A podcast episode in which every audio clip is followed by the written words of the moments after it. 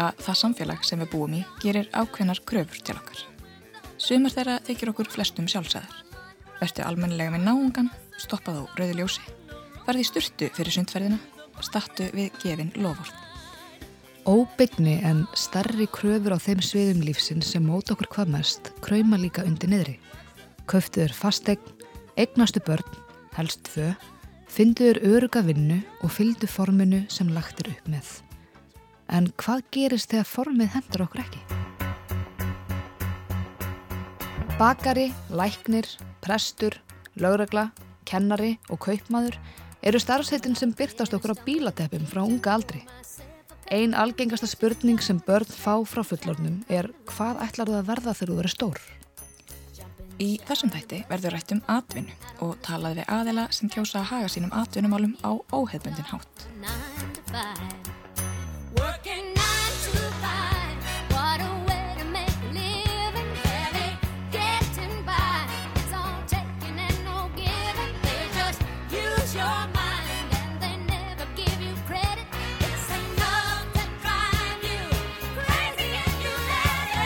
Hinn klassíska heimavinnandi húsmóðir sem stendur utan vinnumarkaðar, sinnir heimili og börnum og bakar jólakökur er vandfundin í íslenska samtímanum. Treystuð okkur við leitiðum. Síðust ár hefur þó myndast vaksandi hópur sem verðist hafa fundið leið til þess að fá greitt fyrir hefðbunnu kvennastörfin. Þessi sem eru yfirleitt bæði ósýnileg og ólaunuð. Þetta eru konur sem eru í fullu starfi við að sinna heimili sínu, hafa fínt í kringum sig sinna eigin helsu og útliti og alveg börn, allt í bytni útsendingu. Þær eru áhrifavaldar á samfélagsmiðlum sem hafa gert eigið líf að arðbæri atvinnugrein. Við rættum við Þórunni Ívarsdóttur um að gera enga líf sitt að atvinnu. Ég starfa sem áhrifavaldar á samfélagsmiðlum. Það er svona mitt aðalstarf. Ég veit það ekki, ég er alveg smá svona heimavendu húsmúður í mínu starfi sem áhrifavaldar. Um, ég er svona yfirleitt að sína bara frá svona dagstaglegu lífi, það er svona engar áherslur, það var meira hjá mér, ég á mig svona mjög mikið áherslu á húðumhyrðu og þörðun og eitthvað svona, svona, svona súbóla eitthvað neginn aðeins. Faraði minga, var úksla mikið einu sinni bara í tísku og sína svona átvitt dagsins þegar ég fæði sletta uh, dressdagsins og eitthvað svona, svo í dag er eitthvað svona svolítið meira í öllu. Og svo kemur alltaf eitthvað svona hjá mér sem er svona mitt eitthvað, ég er úksla mikið að prjóna núna. Komum með eitthvað prjóna Instagram og hérna er að setja mjög mikið fókus á það og ætla bara, ég sé fyrir mig bara eitthvað framæð því, nei ég veit ekki. Ég er náttúrulega að vera að vinna heima núna frá því að ég uh, kem úr fæðingarálofi þá ákvæði ég bara í fæðingarálónu misti vinnuna því að vá og hugsaði, ok, nú ger ég þetta bara. Nú ætla ég bara að vinna full time heima í bíbarti tekjur, hvernig sem ég fyrir að því. Um, sko dagurinn minn alls konar og engin dagur er eins. Uh, yfirleitt byrja ég mjög rólega upp í rúmi að skóla í gegnum samfélagsmiðla, fæða mig kaffibotla, sesti tölvuna inn á skrifstofu og þá er ég yfirlega að vinna í hérna, netverslunum okkar, uh, búið til alls konar grafík fyrir hana, skipla eitthvað fram í tíma, plantavöru, borgarreikninga, eitthvað svoleiðis byrja yfirlega á svona rólegu uh, svona heima dóti sem að mér erst gott að klára af að því yfirleitt svona setnipartin þá er ég uh, einhvers þar á fundum einhvers staðar að svona í ykkurum málum tengdum samfélagsmiðlum um, setja eitthvað í stóri eitthvað svona þá að því að búum á Íslandi það er bara dagsbyrst eftir háti á veitunum til dæmis og þá er bara takmarka hvernig er hægt að sína frá því maður getur ekki sínt hluti í myrkri. Og já, dagarum minn er svona svolítið, ég er svolítið mikið út um allt í bílinum og þannig sér fólki mitt sig mig fyrir sér. Ég er svona útréttari. Og svo er ég oft í einhvern verkefnum út í bæ og það er kannski svona pre-covid þá fóð maður á staði meira heldur en maður gerir í dag, nú gerist allt hérna heima. Já og um, tek heima æfingar hérna heima. Og eiginlega svona fyrst ótrúlega gott að byrja daginn bara svona tölvuvinnu, taka eins og æfingu farið mjög stöld styrtu, græja mig geta farið út að gera það sem ég þarf að ná að gera sko helsti kostur er náttúrulega bara svona stjórna tímanuðin sjálf og geta bara uh, einhvern veginn haft badnitt stutt á leikskólanum, mætt með það hvernig sem er, það er ekki dröss hérna mótnana, ég þarf ekki að við, við erum ekki öll í stressa að klæða okkur til að komast út fyrir klukkan nýju það er ekkert svona röss að keira í vinnuna og um, suma þetta fer ég aldrei út í bíl mm. og hérna og bara mikið forréttandi að geta sótt snemma og fara heim og veri ekki mennett ég geti svona raða deginu mínum bara alveg eins og ég vil, það býð ekki verkefni um, að svolítið býða ykkur verkefni en ég get svona aðeins hægurætt í hvenar það er og og svona já og svona helstu kostinni við þetta og líka bara þetta er hátt kaup fyrir litla vinnu. Mm. en líka mjög uh, helstu gallarnir er að þetta er mjög ódreiknulegt þú getur verið bara not cool á morgun og í raun ef að þú lendir í einhverjum skandal ef við um að orða þannig og getur mist allt öll þín samstur og þína tekjurlind þess að maður þarf að vera svolítið passasamur og passa upp á sitt og, og hérna plana svolítið fram í tíman en tekjurnar eru mjög svona svipleikjandar ég myndi segja að það verður svona helsti ókosturinn og líka bara svona þú ert að halda svolítið bara spöðum sjálfu en líka ókostur það er ekkit sumafrí mm -hmm. það er engi frítar ég vinn uh, jamt helgar og virkadaga Þórun stendi aldrei að því að verða áhrifavaldur Já, sko, þegar ég byrja þá er ekki til eins og Instagram. Þess að ég byrja bara með bloggsíðu og hérna er í námi Erlendis í fatahönnun og eiginlega bara leiðist ég og frænka mín opnum hérna bloggsíðu og vorum eitthvað svona aðeins farnar að fylgjast með eitthvað svona tískobloggum sjálfar þarna úti og hún var líka í námi. Uh, hún flytti síðan heim skindilega og ég er svona eiginlega Uh, ekki, ég ætla ekki að segja skilin eftir en ég var svona soldið svona einn uh, upp á það að gera, ég var búin á mig útskrifið en var býja þurfa aðtunlegu og ætlaði að nýta mig það þegar maður í bandaríkjum þá fær maður sér ás aðtunlegu eftir útskrift. En það tók fjóra mánu að vinna úr pappirónum þess að ég var bara í fjóra mánu mátti ekki vinna og þurfti bara einhvern veginn að afla mig tekna og gera. Þess að ég rætta mér eitthvað svona samfélagsmiðla starfi hjá vinið mínum sem rætta mér bara einhverju ég var að sjá um Twitter fyrir hérna uh, franska dating síðu svona stefnumóta síður og þau voru að opna ykkur nýja síðu og ykkur bandarska síðu og svona ég vann þarna. Og fekk svona mín svona fyrstu kynni bara því að vinna, þú veist, starfa á samfélagsmiðlum, gera svona plön og alls konar eitthvað dóta og eitthvað. Og ég sé að ákvað bara að alltaf frá mig bloggi þó að frænka mér sér flutt um, heim aftur og hérna er þá að skrifa bara á ennsku og er sko komið með bara svolítið ágætt fylgi bara af útlendingum. Og þá er ekkert fókus minn að vera með Íslandingum en fólki hérna heim og einhvern vinkonum fannst mjög gaman að fylgjast með hvað ég var að gera.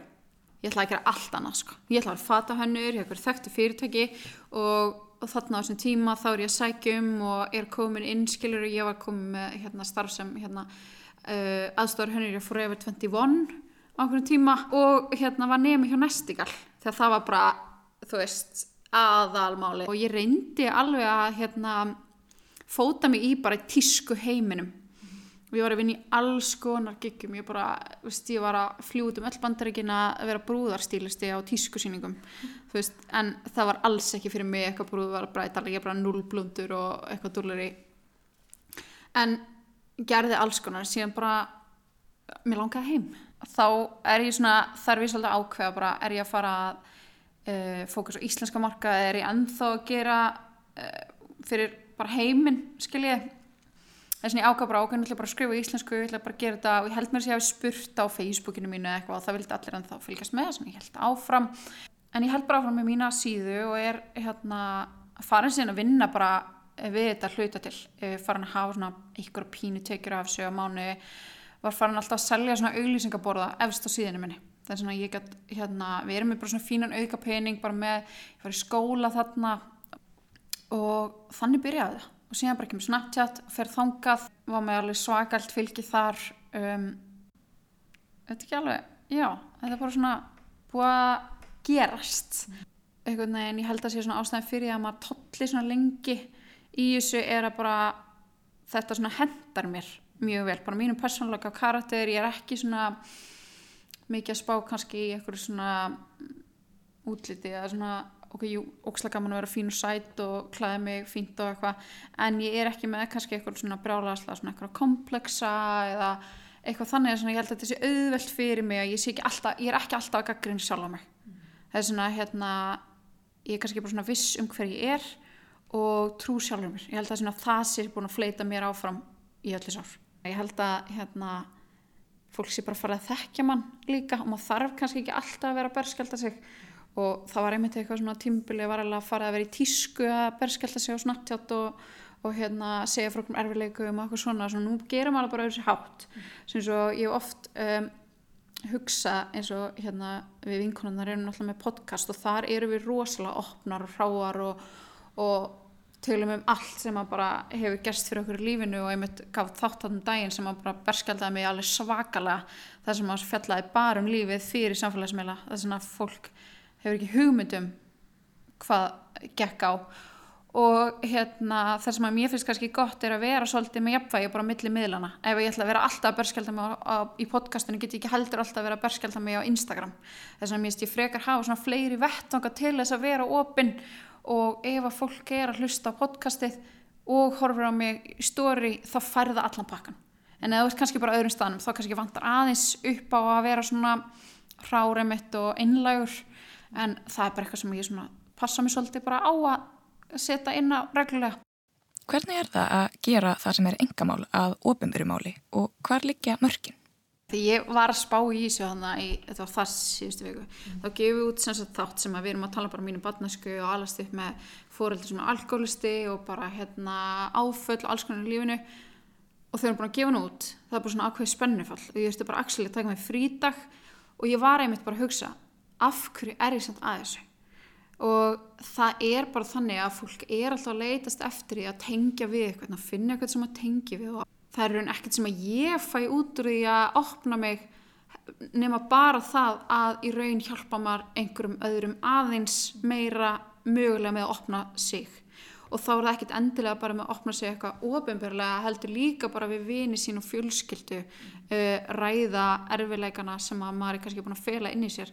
Og ótrúlega marga bara mínar nánar vinkonur sem höfðu samband við mig eftir þáttinn og bara ég var að hlusta það er eins og þess að segja mínusögu og ég hef ekki hugmyndum að þetta var þeirra saga, hef ekki, þær hef ekki hugmyndum að þetta var mín saga því þá erum við aldrei búin að ræða þetta. Mér varst ég ógislega börskildu og ég sagði mitt við nokkru vinkonum mín að mér fannst alveg pínu erfitt bara eitthvað að fara út í búð eftir þetta. Og það var ekki því ég væri svo fræg og allir myndi þekkja mig, heldur var ég bara svona núna veit fólk mín dýpstu leindamál sem að ég var að fela bara út af þorskaleysi, eða skiljið það var svona svolítið skrítið að fara út í lífa og bara har 5500 manns búin að hlusta á þetta á nokkrum dögum og núna vita allir þetta. Nú vita allir og líka kannski að því ég var ekki að berskjálta bara mig heldur bara fóreldra mína og sískinni mín og eitthvað svoleiðis. Það er svona svolítið skrítið og mér fannst eiginlega uh, við að opna sér svona mér fannst eiginlega óþægilegst að sískinni mín og mamma mín hlusta á þóttin heldur en einhverjir aðrir. Og mamma ringir eitthvað ég gæti ekki fara að sofa í fyrir halv þrjú því ég var að klára þáttin og ég eitthvað svona uff, eitthvað varst þú að hlusta þá er bara hvað sagði ég, sagði ég eitthvað sem ég átti ekki að segja eitthvað mm. veist, og maður verður bara svona stressaður mm -hmm.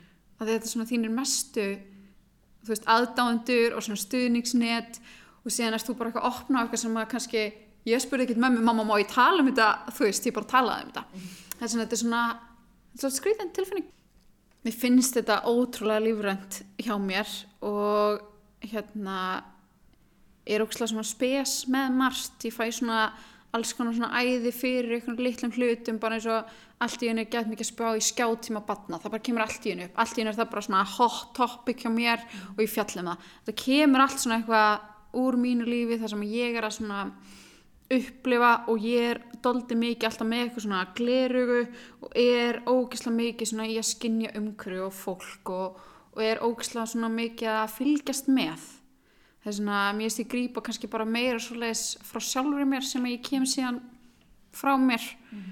um, en jú, auðvitað hefur einhvern tíma komið upp eitthvað pressa ég mitt með að berskjálta sig og ég fann einu svona um, ég syns að með hérna endometriósi sjúkdóminn og var búin að vera klímaði það og var síðan í ykkurum hérna vinuhóp sem að þær voru þá að upplifa minn sjúkdóm í gegnum mig sem ég var ekki að senda þeim og snabbt og þá fann ég fyrir pressu frá þeim að segja frá þessu ofnbara það, veist, það var alveg satt við mig og eftir að var ég bara svona var þetta rétt eða ekki?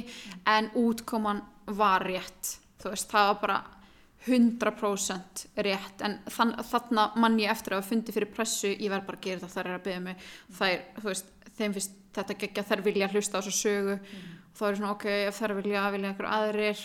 Það er svona, en það var mjög erfitt og hérna en það bara leita öðru og hjálpa sko hundruðum hvenna að hérna að finna út úr hvar hjá þær Þórun talar ofinberlega um allt milli heimins og jarðar og vita fylgjendur hennar hvernig hún kynntist mannenum sínum, hvernig getnaður barns þeirra bar til og svo mætti lengi telja. En einhver staðar hljótaði að vera mörg þegar kemur að því að setja fjölskylduna í útsendingu. Það er ekki allt í búði mm. Og auðvitað með börnum hans og allt þetta maður þarf að þú veist líka verða hvað maður er að sína og hérna uh, einmitt, þú veist, ég hugsa alltaf þegar við erum að tala einmitt um hérna börnin og getnaðin og þetta allt að ég þarf að gera þetta svo að hún getur hlusta á þetta í framtíðinni mm. þú veist og ég verð að gera þetta vel svo hún sé ekki bara mamma hérna hvert, þú veist og ég vona bara podcast verið dögt þegar hún nei ég segi svona en maður þarf að hérna algjörlega ég vil eiga eitthvað bara alveg fyrir mig. Mm. og það er fullt af hlutar af mínu lífi sem er bara 100% fyrir mig. Ég er alveg með svona nokkra svona eiginlega bara reglur í haustnum eins og maður sýnir aldrei, ég sína aldrei bátum mitt grátandi einhverju svona uppnámi. Uh, ég sína hana aldrei, þú veist, bera maður, ég sína hana ekki hérna undir neinum kringustæðum sem að hérna eru bara svona off limits. Uh, einnig bara tekið upp upp ef hún segir mamma ekki, ekki taka mynd mm. þá bara leggur manni í sínum En mörg þórunar Hefur hún áökjur á því að gengið sé yfir þau þegar allt er ódófni? Fólk hefur alveg farið yfir strikki sko. Mm. Þú veist, verið að nýsast aðeins svo mikið og bara spurt en svona fólk hefur sendt svona óvart, svona vittlust eitthvað. Þú veist, það lendi því sko. En einu sem lendi að voru svona eitthvað ljót komment. Þú veist, sem alveg svona bara ég er bara blokka og brjálu sko. En annars allt eitthvað bara svona ha ha ha eitthvað, alltaf að senda þetta vinkona hérna. Og svo stelpaði bara á svartalistan minn hann alveg hann heiti ég gleymi því aldrei sko. En jú, maður þarf að passa sig hérna og láta hvernig vakta heimilið. Þú ert ekki heima og það sést þú sést ekki heima og svona. Mm. það er svona, maður svona er pínur svona varum það en það er gott að hafa góða granna og ég og hérna tvær mjög góða vinkunur bara í húsinu og, og mamma pappi búið hérna hlena maður verður sko líka að þegar maður aðeins og verður maður líka bara að trista fólkinu sem maður fylgja sér. Auðvitað er alltaf einhver óprútnir aðlar og eitthvað svona en mm, ég held að ég verði að setja sama traust í tilfylgjanda minna og þeir treysta mér. Þess að ég held að verði bara að vera both ways. Þess að ég treysti þeim bara fyrir að þeir séu ekki brjóðstinn inn ef ég Við spurðum að lókum hvernig hún sér framtíðina fyrir sér Ég var svona að fara að finna hvað ég vil vera því hún er stór. Ég veit hann ekki alveg. Ég hérna ætla að halda þessu alltaf áfram meðan það gefur mér uh, þetta og mér líður vel og, og ég vakna mótnana og nenni í vinnuna. En það, það verður bara koma ljós. Ekki vaka eftir mér. Veist ég þarf að vinna, vinna, vinna. Ég get ekki verið hér hjá þér. Veist ég þarf að vinna, vinna, vinna. Sorry ég þarf að vinna, vinna, vinna. Þú þarf að sofa eini nótt, eini nótt. Sorry ég þarf að vinna, vinna, vinna. Ég ringi þegar ég lendir á, lendir á Guðrún Agla Eilstóttir og Hafsteinn Helgi Haldorsson eða Agla og Haffi eins og þau eru alltaf kvölluð hafa reynd ímislegt til þess að fleita sér áfram. Þau vöktu töluverða aðtegli hér á landi fyrir nokkrum árum með fyrirtæki sitt Happy Furniture en eftir að Anna Battera kom í heiminn upplýðu þau sig útbrunnin og ákvaðu að reyna að koma betra jafnvægi á lífið. Þau hafa byggt, gert upp og selgt hús, flutt á melli landa með börnin og eru nú lend á eiginni La Palma þar sem þau hafa lagt undir sig ávakstarrekt. Haffi og Agla eru nú stötti COVID-stoppi á Íslandi og buð okkur í heimsókn í hús sem þau byggðu sjálf í sveit þar sem þau sögðu okkur aðeins frá síðustu árum og lífinu á La Palma.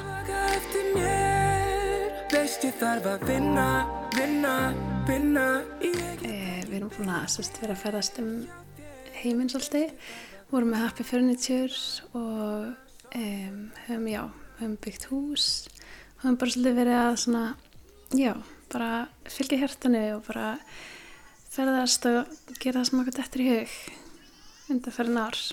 Þegar Agla var ólétt af þeirra fyrsta barni byrjuði þau hjónin að byggja sér hús við Hafravatn. Við Agla var í arkitektur og listaháskólinu þegar að fyrsta barnið þá það fregnar að því sé á leðinni og, og... Ég við kaupum lóðina þá, síst þegar hún er leðinni. Byrjum að byggja það kannski þegar hún er einsars, flytum inn þegar hún er tveggjara. Um, Emilia fæðist hér í heimafæðinga hérna í stofunni og um, já, og svo bara fórum við að ferðast. Þreitan var farin að segja til sín þegar þeirra annað barn kom í heiminn. Þegar Emilia fæðist þá langar okkur rosalega breyta til, við erum rosalega orðin þreytt, við erum að vera að byggja hús og með fyrirtæki og við erum svolítið svona þurfum pínir fá smá frí þar sem ekki vinna bæði veist, og líka vera með börn og, og við, já, við fyrir fyrst aðeins að ferðast, fyrir til að palma.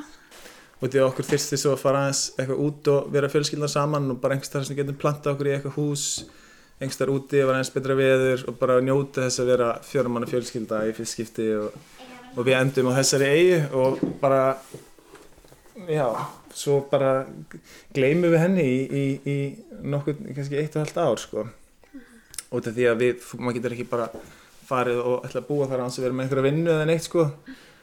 En svo erum við fyrirtæki hér og fyrstum að vera á Íslandi og, og undirbú allt og komum hingað og, og þetta bara uh, verður sem góð minning og, og við höldum áfram bara með lífið. Svo hvað við flytjum til Danmarkur því að vinnur okkar búa þar og svona heitlandi samfélag og tala mikið velferðar samfélag, þú veist, þegar við komum verður við erum svona heitlu þar, þú veist, allt frítt þú var greitt fyrir að vera heima með börnein og við viljum... Þetta er semst á, já. já, þetta er á söðu fjónu, ég held að þetta sé ekki allstað, en þetta er á mörgum stöðum, þá getur annarkvæmt mamman eða pappin mm -hmm. valið það að vera heima og þeir bara reikna út í, í kommununni, sem þeir kalla það, mm -hmm.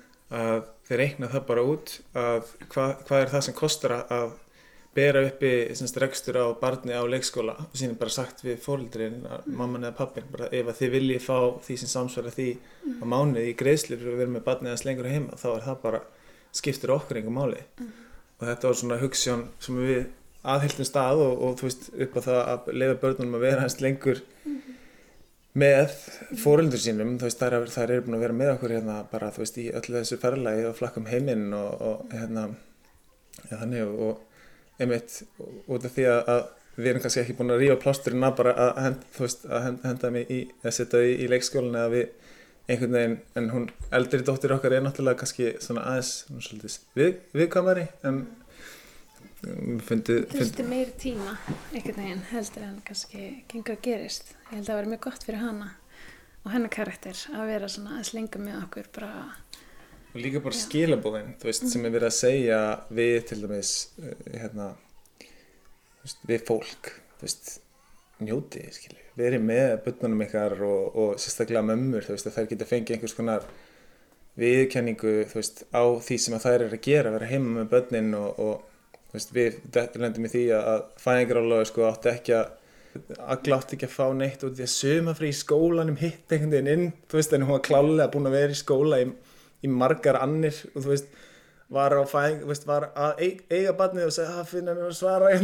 Láta skilur stelpund að vita eitthvað skilur og síðan bara fæðingar og lostjóður sagði bara já það er bara að munir hann á okkur dögum og því fái eða hún fær á ekki rétt og einunni neinu og síðan einhvern veginn fóð mann til Danmarkur þá hugsa ég svolítið tilbaka til þessa tíma þar sem að það var bara ekkert mál skilur það var bara þú veist bara wow þú veist magna þetta er að vera áfram með barnið teima já bara hér er mánalögin og kaupið þar hús sem var ekki svunni komið en var bara, þú veist, það var engi búin að vera hérna í mörg ár, það var samt engi rakið í, það var 160 ára gamalt múrsteinuhús, þakki nokkur nýtt og það er svona, þú veist, en einangrunnin lélega, en, en það var svona alls þú veist, grunnirinn var góður, við ákvæmum að kaupa 160 fermyndar hús og sögðu fjóni á 7 miljónir með 0% vöxtum frá Nordea voru með fyrstu einstaklingum að fá þau lán.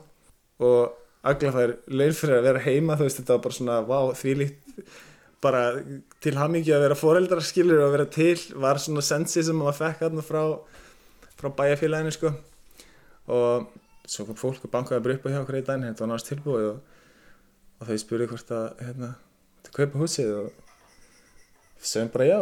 Og þá ákveðum við að, fara til hérna kíkja á aftur til La Palma sem við fórum þegar Emilí var fjöruveikna sem er núna tvekja hálsás og erum þar búin að koma okkur fyrir um, þannig að við erum með svona gamla rústir í miðin dal um, þar sem að er bara hérna, fjallasín og til sjávar og, og veist, þetta er bara voða rólegt og, og hérna en erum komið með þú veist, samtalsverða þetta eitthvað 1200 ávastaplöntur sem eru bara litlar. Ávaksta peningan okkar sko. Erum, þar erum við með sólarramagn vatni rennur úr fjallinu. Það bara vex matur hérna allan ásins ring og bara indislegt Þau eru nú stött á Íslandi í örlítilli COVID-pásu það vinur okkar bara vökuða plöntunar og býr hérna í tæni á húsinu á, á meðan og, og gefur dýranum að borða og, og við, erum, við erum bara hérna, einhvern veginn eins og staðin núna mjög frjál sko. það var bara, þetta var líka svona ákveðið missjón bara hvernig er hægt að, þú veist, getur við sem manneskjur, við erum 100% sjálfbæri, alltaf tala um sjálfbærinu og svona, þetta er ekkert, það er ekkert verið að hafa gefa orðinu fulla meiningu, sérstaklega þegar trénir eru búin að kannski gefa einn tvö orði viðbót, við getum þú veist, það er að geta fætt helling af fólki bara á grammutinu sem eru með þarna á áastatríðin og þú getur bara gist, þú veist, það er bara stofið hitt úti og ég tel að þetta sé svona frekan áldi að vera 100% sjálfbærar hérna, manneskjur maður, þegar maður er þar sko. En hvað gefur lífið á La Palma sem ekki fæst á Íslandi? Eyjan er náttúrulega bara, hún er svo ótrúlega falleg. Þetta er einn fallegasti staður sem við höfum komið á. Hún er bara, já, hún er bara rosaleg og svona væpið eða orkananna er mjög indisleg einhvern veginn. Það er svo mikið af, þú veist, fólk er einhvern veginn mjög hamingsamt þarna og svo líka mjög mikið af fólki sem flytir ánga með börn og kannski svona, já, sem er að hugsa líkt á við. Þannig að Já, það er svona, og náttúrulega veðri bara, og þú veist, hún hefur rosalega mikinn sjarma, þessi eiga, og hefur alltaf einhvern veginn kalla á okkur síðan við bara áðurum við fórum hann, sko, bara þegar við skoðum myndir af henni, hún var einhvern veginn alltaf svona sérstök fyrir okkur, er ekkert nátt. Um, okkur fannst þetta kannski ekki stór ákvarðin, en við erum líka svolítið svoleiðis að við tökum svona svolítið skyndi ákvarðinir oft og hugsaum alltaf að ekki tarfa að vera endalegt, þú veist, við ef okkur langar að gera eitthvað núna þá gerum við það bara. Og við vitum að við getum alltaf hægt við eða veist komið aftur heim. Og mér finnst það rosalega þægilegt. Okkur líður rosalega frjáls að geta gert það. En náttúrulega já, maður þarf náttúrulega þú veist, við hefum komið þessi þannig fyrir að við getum unnið þannig að þú veist, eða vinna eða tekinar okkar koma þannig frá að við erum ótrúlega frjáls.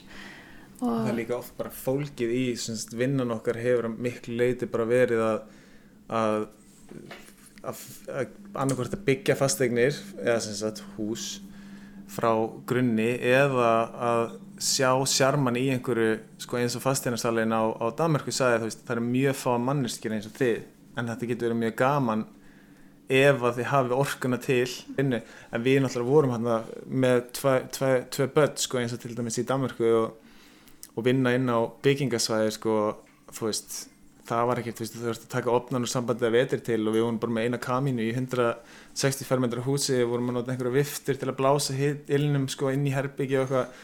Og allt í skrúum og krakkarnir leikast með verkfærin og svona þetta var alveg klálega, þú veist, ok, næstu við gerum þetta þá er, er annarkvæmst sko einhverja aðstofa eða hérna að, þú veist að við erum eitthvað með heimili og vinnan okkar er þá separate, þú veist, það er líka sérstaklega komið fjölskylda, þá svona er er þægilt að heimili geti verið svolítið svona heilagur, greiðar, senn staður sem að hérna, já, það er svolítið, það er mjög krúsjál fyrir svona bara öryggi hvernig börnum líður og að sé ekki alltaf rúastúið og svona sko. Stelpunar þeirra eru heima og fjölskyldan vinnur öll saman. Sko dagurinn í raun og veru, við erum bara náttúrulega, þú veist, erum að byggja gæstahús og erum að byggja sá grasi, erum að á svona viltum stað eða svona í raun og veru í bara þjóðgarði erum við að byggja upp einhvers konar lítið svona hvað, Oasis eða eitthvað svona, þú veist, feeling það sem að út af því að, þú veist, það er heitt þarna þetta er náttúrulega nálægt Afríku. Jú, það er eitthvað verið að taka einhverja ákvörðinu við varandi hérna, lóðina eða framkvæmdir eða út því að, að við erum að byggja þetta allt saman bara alveg upp og það er einu verið verkefni sem við erum í núna. Við vorum að kaupa 500 avokado litlar plöntur og, og 300 papaya plöntur sem við erum að gróðsita hérna og og ætlum að gróðast að papaya plöntunar á milli avokado plöntunar og þetta því að papaya gefur uh, semst, frá hún er eins ást til 5 ára en avokado byrjar að gefa þegar hún er 5 ára sko og síðan eftir það. Og það er allir bara, veist, það er fjölskyldan það er enginn stressast á vinnunni eða eitthvað, veist, það er bara já, það sem ég mjög fyndið að maður getur oft þurft að býða þannig lengi í rauð því fólk er alveg sama þáttu þurfur að býða, þeim er alveg sama vinnuna það er bara að þú sérst að njóta, það er einn sem að fólk spáður nýja, það er mjög sjálfmeirandi svona hluti en, en og heilurinn inn í húsunum og svona sko, þetta er náttúrulega allt öðru sér, þannig ertu úti allan daginn, þú veist, þú ert meira eða ekki með kvöld nótt, þá er þú veist, þá er bara kallt og klæði vel og, og setur hérna eldstæði í, í gang. Hér skiptir engum máli hvað er í gangi úti. Og þú veist, þetta er svona tveir mismundi heimar, hérna erum við inn í þú veist, inn í þessum húsum rosa mikið, sko, og meðan þarna er veist það sem við kallum, rók er í raun og veru hurricane á ellendan mæli hvaða, sko. Og, og og þannig er eða kemur íslenskur vindur sem er svona smá kvöldbílur eitthvað hann úti sko. Eða þá er allir svo stressaður út af það að veist þá eru blóminn á trjánum. Veist þetta er eins og með lónuna eða túrismann eða eitthvað þú veist hér þá eru allir að spá í hvort að blóminn nái að þetta er svo viðkvæmt áður en það fer í það ferðilega að vera ávistir ef það kemur akkurat rók þá, þá tapa hérna, bændur og, og veist þá er allir svona já, og síðan kemur rigning og þá er allir bara eins og allir hafa inni í vikingulóttunum sko. það er bara því við gleði bara, þetta er ógstilega að finna að vera í svona tengdur nóttunum sko. það er gaman að upplifa sko. klálega við náttúrulega, við pröfum leikskóla með, með dísko ég var í þrjár vikur hérna að voða alvöru valdur skóla sko, þú veist, þeir eru vekt allan sem mat sjálfur og astni í garðinum og eitthvað sko um, en síðan bara til þrjár vikur var mér tilkynnt að ég þurfti að hætta á leikskólanu sko. Ég get ekki verið hann lengur og þá eh, sem sagt aftur Dís að vera einn eftir og hérna hún vildi bara þú veist vildi bara vera með okkur og við getum ekkert sagt þú veist við hann og til við erum að vinna bara heima þú veist að, að gera eitthvað í gardinum eða byggja gæstahús eða eitthvað svona þú veist bara eitthvað nei þú mátt ekki vera með við einhvern veginn getum ekki sagt að, sagt að við hann En hvaða spurningar eru algengar um aðstæður fjölskyldunar? Það er kannski stundum svolítið spurning með, þú veist, með stelpunar varandi, þú veist, skóla og svona. Um, og já, kannski, já, bara svona hvað plan, eða þú veist, hvort að við séum með plan, því við erum aldrei með mikið plan, við erum alltaf bara svona, ég veit ekki, þú veist, við gerum bara eitthvað og alltaf svona skiptum skoðun og, en, en okkur finnst það líka gaman, veist, okkur finnst gaman að vera svona frjáls og Veist, og kannski skjóti við meiri rótum hér á Íslandi með tímanum eða veist, við erum bara eftir að finna út en, en ég veit að við munum gera bara það sem okkur finnst best og öllum líði best með.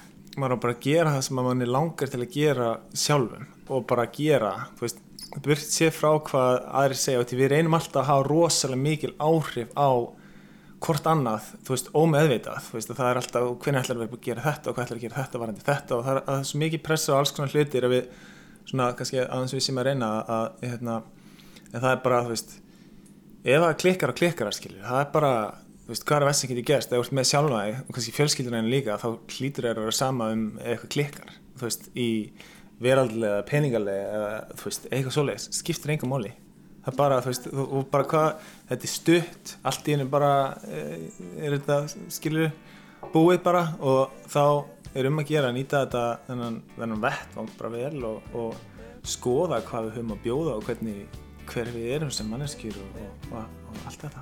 Dæmis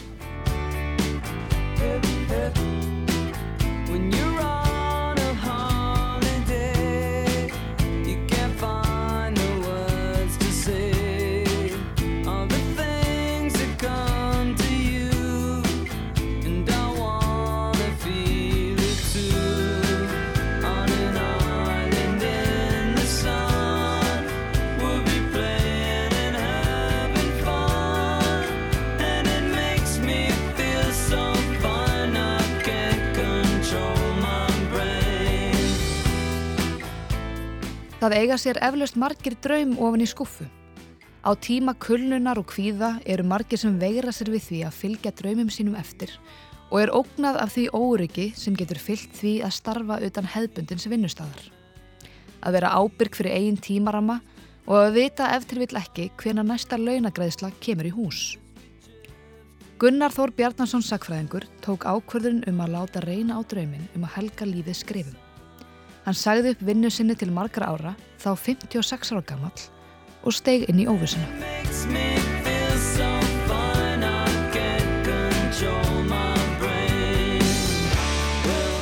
Ég er búinn að vera sjálfstætt starfandi sakræðingur núna í all nokkur ár e, frá því, held ég því segja, 2013, haustið 2013 og uh, ég hafði lengi gengið með það í maðanum að skrifa bók og bækur skrifaði kennslubók fyrir uh, rúmlega 20 árum.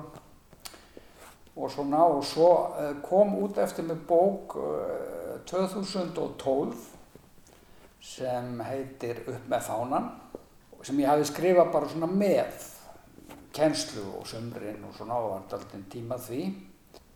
Og hún gekk bara mjög vel seldi svo sem ekkert í bílformum en seldist bara alveg þokkalega og fekk tilnefningu til bókmyndaverluna og fekk menningaverlun, DFF.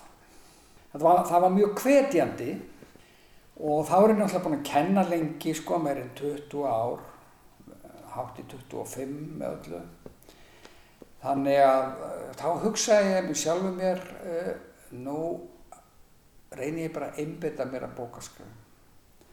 Hætti að kenna. En það er náttúrulega ekki að vísa og róa með, með sko laun og þess að þar þannig að þetta kostiði nú margar andvökunætur og miklar pælingar. En það var ímislegt sem var að brjótast í mér. En, og ég er nú, nú heppin á góða konur sem að kvatti mig áfram. Uh, og, uh, og ég hugsaði með mér ef ég læti ekki á þetta að reyna að einbita mér að bóka skrifum núna þá ger ég það aldrei. Og þá enda ég sem biturt gamanminni þá verð ég aldrei sáttur við að hafa ekki reynd að gera það sem ég langaði mest að gera. Ég man sem sagt að þetta kvildi mikið á mér og þetta hafði ég áhengur af því að þú ert uh, þegar þú segir upp starfi þá hverfur ákveðin festa í lífinu en á móti kemur ég var náttúrulega orðin 50 og svona drenginni minni þrýr voru uppvaksnir og maður var ekki lengur í svona húsnæðisbastli og, og, og engin svona stórkoslega lán sem að kvíldu á og þurfti að borga einhverjar stórar summur um, um, um hérna hver mánamót þannig að það er náttúrulega auðvitað þetta, þetta hefði ekki verið hægt öðruvísi. Og svo var ég aðeins búin að leggja draugin að þessu sko áður og átti svona aðeins borð fyrir bárum en það er náttúrulega fljótt að fara þegar þú farir eitthvað tekjur mm. og, og svo er það nú bara þannig þegar þú ert að skrifa bækur að uh, sko það gengur stundum vel og stundum illa svo ertu stundum að vinna á kvöldin svo ertu búin að semja um að þessi bók komi út um fyrir jólin og það þarf að búin að skilja öllu þennan og þennan dag og þá kemur svona tímarhag og, mm. Stundum voru þetta kvöld eftir kvöld eftir kvöld helgi eftir helgi eftir helgi. En svo dettum maður niður á milli núna er ég svona á milli vita til dæmis eftir síðustu bók. Hvernig háttar Gunnar deginum þegar hann setur við skrif? Og þá fó, ég, fór ég yfirlt upp á þjóðabóklu og var þar svona oftast, stundum var ég heima. Og, og var bara mættur þar svona um nýjuleitið oftast. Og, og satt þar það var bara að fara í vinnuna. Það var að setja starf og frá kynntist maður starfsfólkinu var alltaf að, að tala og það skipti máli að hýtta fólk sko. Þegar þú velur, sé, velur þér svona hlutskipti sem er svona eðlisindoldi einmannlegt skipti máli að hýtta fólk, tala við fólk. Og ég er félagslindur. Og þegar ég kom heim hérna árum áður eftir, eftir kennslu, kannski búin að kenna frá því 8 morgunin og fram yfir hádegi verið í samskiptum við meir en hundra manns. Þá fannst mér bara stundum gott að vera bara útaf fyrir mig. En svo breytist það. Eftir að hafa setið á sapni heilan dag og kannski tala við fáa þá kemur heim og þá viltu kannski bara fara að kæfta þannig að veist, þetta breytir náttúrulega eins og rútínunni og svona um, umgjörðinni um þitt líf En hvernig eru mörkin millir vinnu og engalífs? Já, það er strákurinn minn, eh, sá sem er heima segja um að ég sé alltaf í vinnunni e, uh, og þeir segja svona, og, og kona mín er háskóla kennara og hún er líka stundum að vinna heima og þeir segja, þeir að stríða okkur og segja við séum alltaf í vinnunni. Við ætlum ekki að hafa þetta svona, segja þeir. Ætlum að hafa svona skýrari mörk á milli. Ég held að mörkin verða óljós. Því svo er ég kannski að lesa á kvöldinir og heitum, en þá er það eitthvað tengt því sem ég er að skrifa eitthvað svona bók sem tengi stefninu og, og, og, og nýtist kannski eða hjálpar til við, við skrifin þannig að og ég er alltaf að lesa og þetta er einhvern veginn þetta er einhvern veginn eilíðarverkefni og alltaf og svo er annað sem fylgir þessu að sérstaklega þegar þú ert að klára bók kannski síðustu misserinn eða mánuðuna þá er bókin í hausnum á þér eiginlega alltaf. Þegar þú sopnar hvernig get ég nú bætt þennan kabla og gert hann markvísari og svo vaknar þú og hugsa, já ég þarf að byrja því að taka þarna út upp af kablans, það var ekki nógu gott. Þannig að þú ert þetta alltaf og svo í lokin ég var einu svona að grínast með það hérna heima þá, ég þyrði alltaf að fara svona síðust dagana eða vikurnar þyrði alltaf að fara út að keira vegna þess að ég var svo upptíkjandi bókinni ég myndi bara gleyma að stoppa á rauðu ljúsi Hvað hefur komið á óvart? Ég hafði miklar áhyggjur af þessu þegar ég var að stíga þetta skrif og taka þessar ákvarðanir en, en svo er það bara þannig að þegar þú ert búin að gera það að þá er það bara endanlegt. Þó það verður áhyggjur af, af tekjum og svona. En svo Eh, svo gerur eitthvað, skrifar bók í minn tilviki og þá sko, breytast aðstæða, það opnar styr og mér langar að segja rétt dæmi um það sem að blasir nú við. Því ég ákvað fyrir nokkrum árum að skrifa um spænskuveikina sem var heimsfaraldur hérna fyrir umlega 100 árum, skjálfilegur kostiði 10 miljónar manna lífið út um allan heim Svo uh, gerði ég hlið á því meðan ég var að skrifa fyrir sögufélag og alþingi bókina um fullveldi Íslands. Tók svo aftur til við að uh, 2019 og það var um samið að bókin kæmi út á ornu 2020. Og þegar ég var svona að segja fólki frá hvað ég var að skrifa um að þá var ég nú ekki varfið að það væri svona mikil tilhökkun og eftirvænting hvað er þetta að skrifa um flensu fyrir hundra árum, já, aðteglisvert. Svo bara skellur á heimsfaraldur. Og þá breytist tónin, þá fer fólk að spurja, herðu Gunnar, hvernig er með þessa bók sem þú sagður okkur frá, ert ekki vera að búið með hana?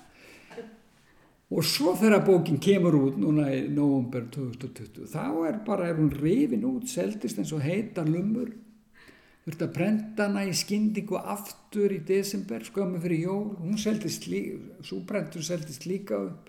Mm. þannig að nú er verið að brenda hana sem kilju. Tek það skýrt fram að ég heldur vilja losna við faraldurinn og selja færri eintöng En hvað með félagslegu hliðina þegar maður hefur stíð út af vinnustanum sínum til margra ára? Ef þú spyrir hvers ég sakna að þá er það fyrst og fremst var það félagskapurinn bæði kennarana sem ég kendi með og uh, nefndana mér fannst gaman að kenna sko. þess vegna var ég svona lengi að kenna að gekk vel og mér fannst gaman og ég held að sé fátt skemmtilegra bara heldur en vel hefnuð kennstustund með ungu og hressu fólki. Það, það er náttúrulega þegar þú ert svona leit þá, hefur, þá leitar þú svona fleiri leiða til þess að hitta fólk. Mm -hmm.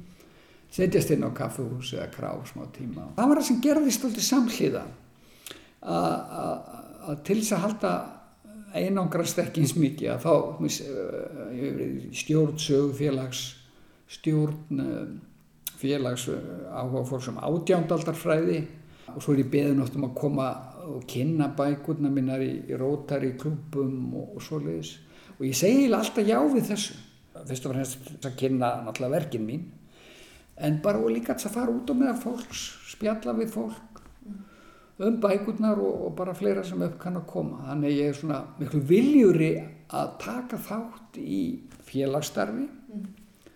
og fara út á meðal fólks sem ég var ekki áður því þá var ég eiginlega orðin kannski bara mettur þegar ég kom heim eftir allt þetta argafræðs í kjenslunni og allt þau samskipti sem henni fylgja.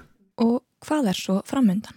Núna er ég náttúrulega 60 og jáfnveg þó ég myndi ákveða og jáfnveg þó mér langaði að fara í fasta vinnu þá sé ég nú ekki alveg fyrirtækin e, í byrjuð eftir, eftir starfsmanni og þessum aldri.